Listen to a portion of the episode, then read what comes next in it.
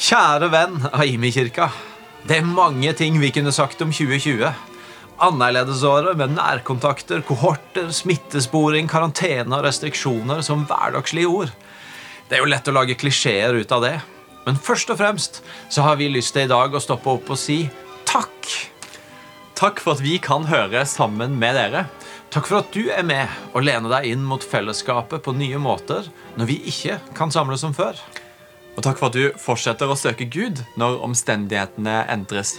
Takk for at du gir videre godhet i hverdagen din og gjør Gud synlig og tilgjengelig for andre. Ja, takk for at du deler troa di med andre.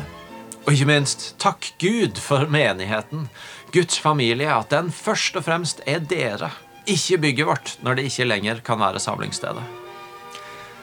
Det er ganske utrolig å kunne se tilbake på dette året og begynne å telle antall nye mennesker som er kommet til tro, se for seg både nye og kjente huskirkeledere som virkelig har tatt tak dette året, eller mimre over historier om Guds inngrepen inn i deres og de menneskene som dere er i kontakt med, sine liv.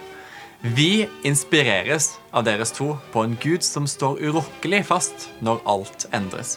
For 2020 det er òg et år hvor Guds rike fikk komme i Stavanger, i Norge og mange andre steder i verden. Nettopp pga. dere. Så er det ikke alt vi kan vite om 2021 heller. Men det vi kan vite, det er at Gud alltid er god. Han er alltid trofast, og han forlater oss ikke. Og at vi i Mykirka eksisterer fortsatt for at verdifulle mennesker skal bli bevisste etterfølgere av Jesus Kristus. Vi ser fram til et nytt år sammen med dere. Og forhåpentligvis så er det ikke så lenge til vi kan komme sammen som normalt. Og da er det bare for oss å ønske deg et riktig velsigna nytt år! Og da, Elling, da kan du begynne å nynne på den der Happy New Year-sangen som vi vet at du har øvd på masse i løpet av romjula. Og så går vi i gang. Er dere klare?